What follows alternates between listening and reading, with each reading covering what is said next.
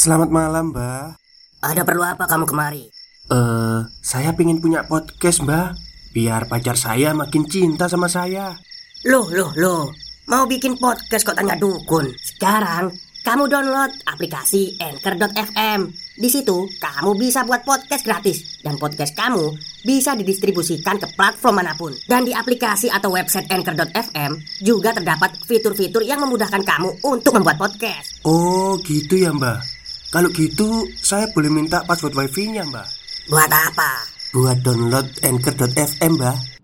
Satu persatu penghuni mes berdatangan Dan satu persatu pula memperkenalkan dirinya Saya Ridwan mas Oh ini toh mas Ridwan Iya akhirnya kita ketemu ya Sapaku kepada Ridwan yang akhirnya datang Ridwan tinggal di Bandung Anak istrinya tinggal di kota kembang itu Senin sampai Jumat dia tinggal di mes Jumat sore pulang ke Bandung lagi.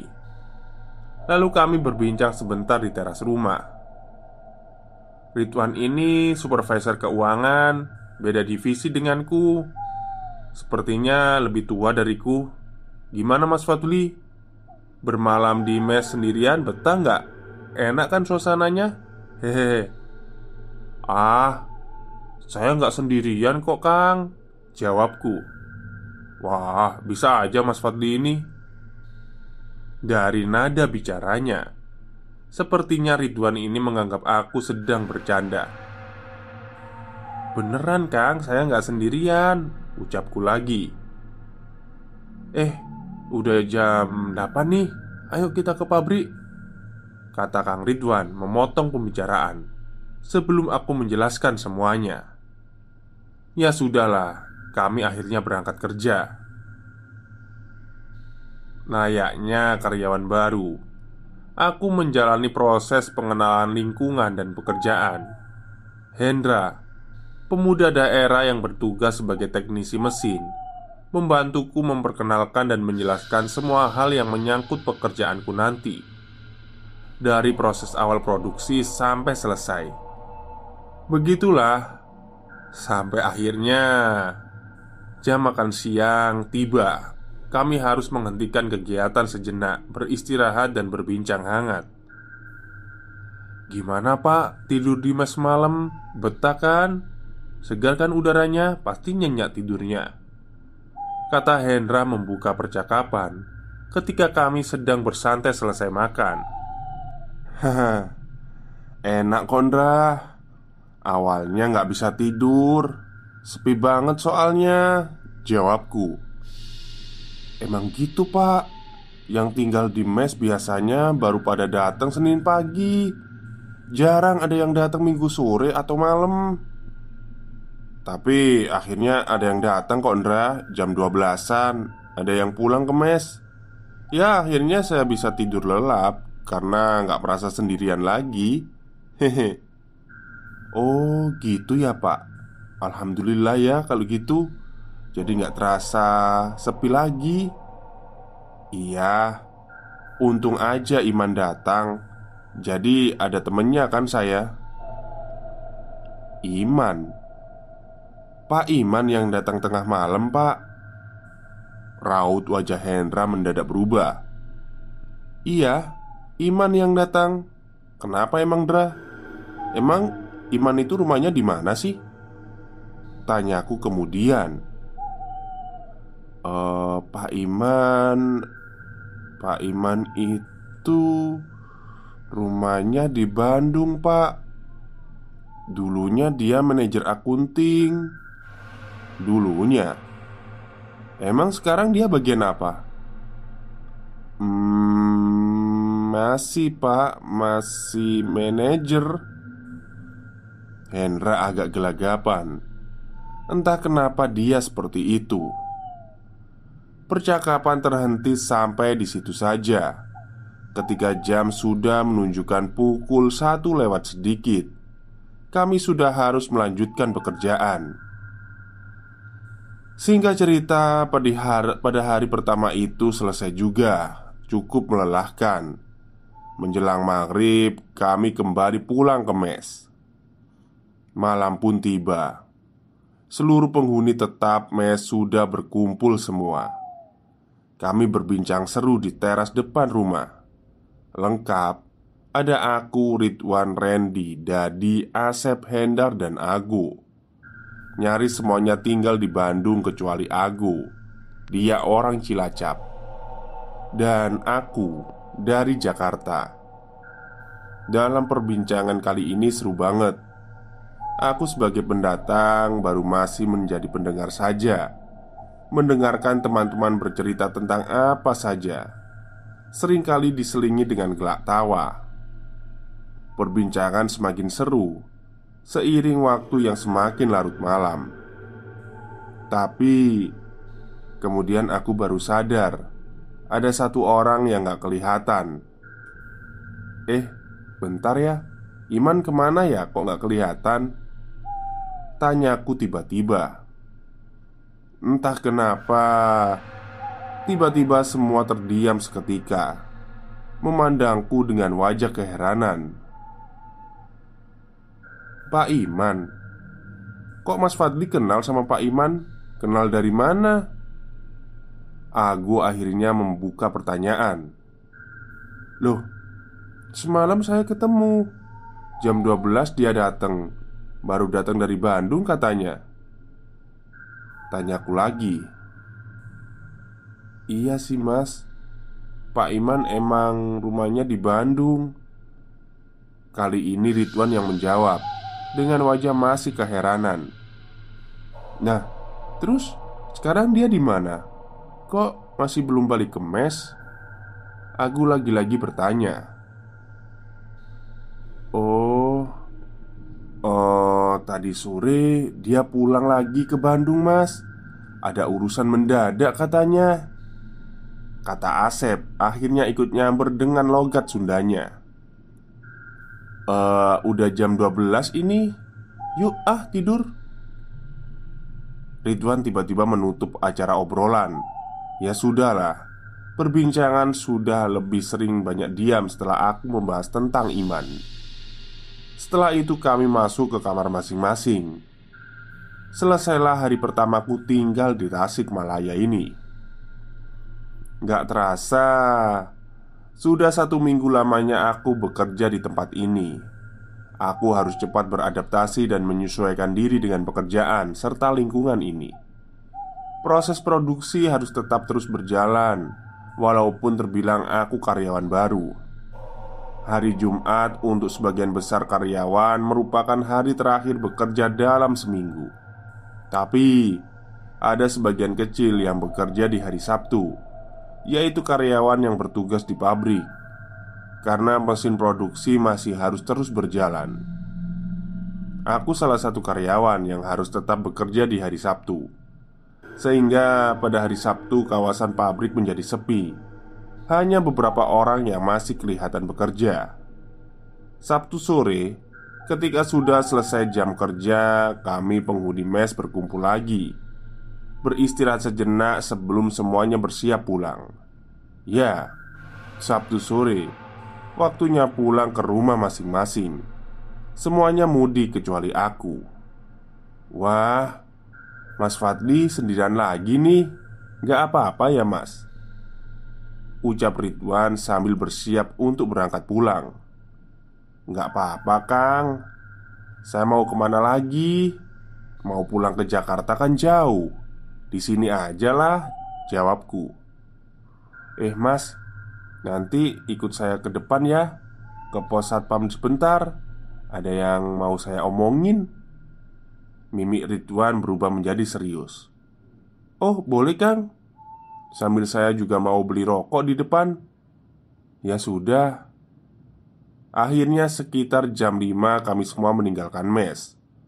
Yang lain langsung berangkat menuju tujuan masing-masing. Sementara aku dan Ridwan mampir sebentar ke pos satpam.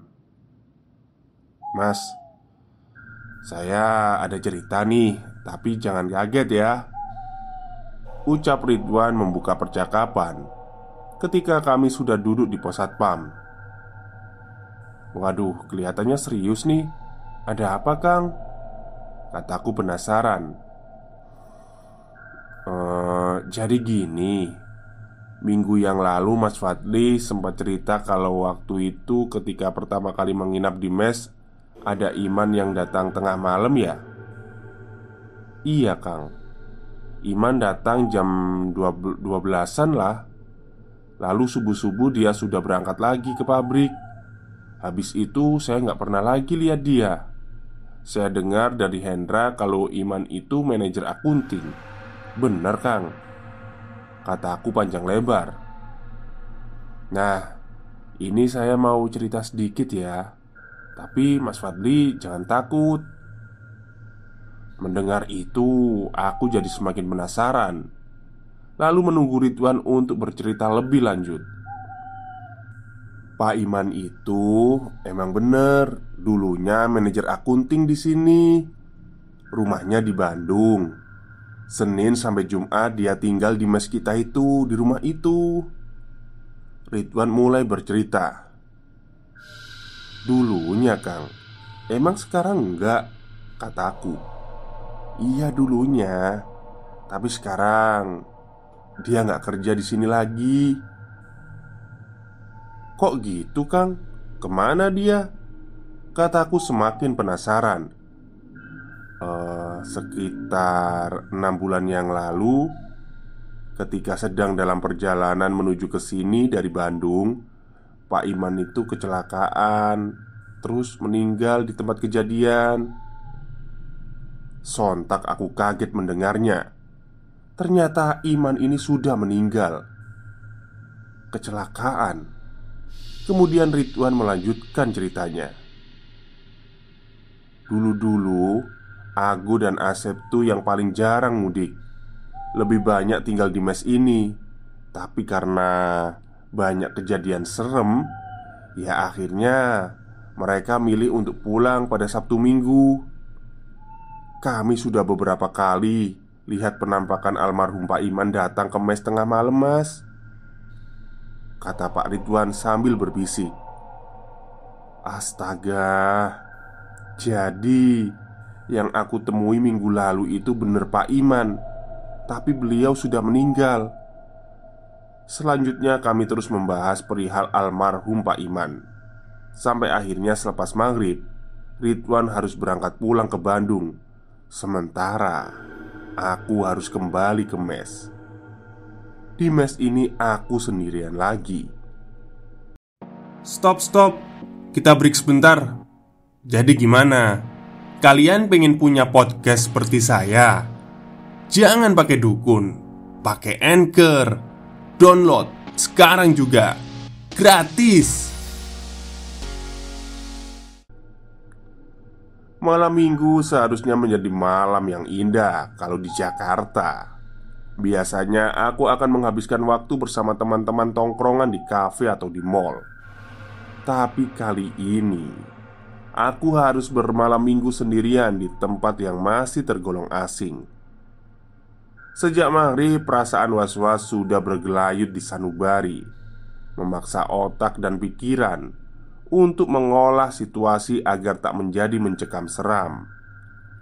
Informasi mengenai Pak Iman yang baru saja aku dengar, mau gak mau harus berkecamuk dalam pikiran. Aku sangat takut kalau nantinya almarhum datang lagi ke mes ini Sampai akhirnya Menjelang tengah malam Aku memutuskan untuk masuk ke kamar Tapi aku membiarkan semua lampu di dalam rumah Dalam keadaan menyala. Aku takut. Tapi untunglah Walaupun sama sekali aku nggak bisa tidur sampai subuh Gak ada kejadian seram yang terjadi. Amanlah pokoknya. Hari Minggu aku habiskan untuk menonton TV dan istirahat. Coba berteman untuk keadaan Memaksa diri bersantai dan menikmati suasana Syukurlah Semua berjalan dengan baik. Aku sebentar melebur di sini. Lupa dengan cekam seram tempat ini. Tapi Semua berubah.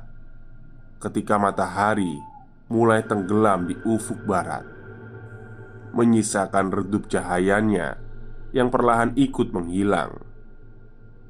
Kembali aku merasa sendiri di tempat ini Untuk mengurangi perasaan yang mulai gak enak Aku menyalakan semua lampu Termasuk lampu teras mes belakang. Sehingga Nyari setiap sudutnya jadi tersentuh cahaya. Menunggu malam larut Aku duduk di ruang TV Sampai menjelang tengah jam 10 Pintu depan aku biarkan terbuka Dengan alasan untuk mengurangi kengerian Tapi ternyata salah Dengan pintu terbuka Malah aku jadi seperti merasakan ada kegiatan di depan rumah Beberapa kali Aku menoleh keluar karena merasa seperti ada yang sedang mondar-mandir di depan teras. Tapi ketika dilihat, gak ada siapa-siapa. Lalu, seperti ada langkah kaki dari ujung mata, seperti ada yang melintas di depan pintu. Tapi sekali lagi, aku gak lihat apa-apa. Ah, daripada semakin parno, akhirnya aku tutup pintu lalu masuk ke kamar mencoba untuk tidur. Di dalam kamar lagi-lagi aku sulit terlelap karena memikirkan omongannya si Rituan yang bilang kalau semasa hidupnya jadwal Pak Iman itu datang adalah hari Minggu malam. Ya, ini Minggu malam, malam Senin. Entah karena memang malam sebelumnya kurang tidur atau alasan lain, tapi Menjelang jam 12 tengah malam Rasa kantukku mulai hinggap Tampaknya sebentar lagi aku akan terlelap Dan benar saja Setelah itu aku gak sadarkan diri tertidur Tapi sayangnya hanya sebentar Terbangun lagi karena mendengar suara. Suara yang sepertinya Berasal dari ruang tengah. Kriet. Aku mendengar suara pintu depan. Ada yang membuka. Ketakutan semakin menyergap. Waduh, Pak Iman datang. Pikirku bertanya. Setelah suara pintu Lalu muncul suara langkah kaki. Langkah kaki yang masih mengenakan sepatu. Berderap langkahnya perlahan menyusuri ruang tengah. Aku hanya bisa terdiam mendengar semuanya. Tubuhku mulai merinding, gemetaran, mencekam, sampai akhirnya langkah kaki itu tiba-tiba menghilang. Hening kembali menyelimuti, tapi hanya sebentar karena ada kejadian lain yang mengikuti. Pintu kamarku ada yang mengetuk dari luar.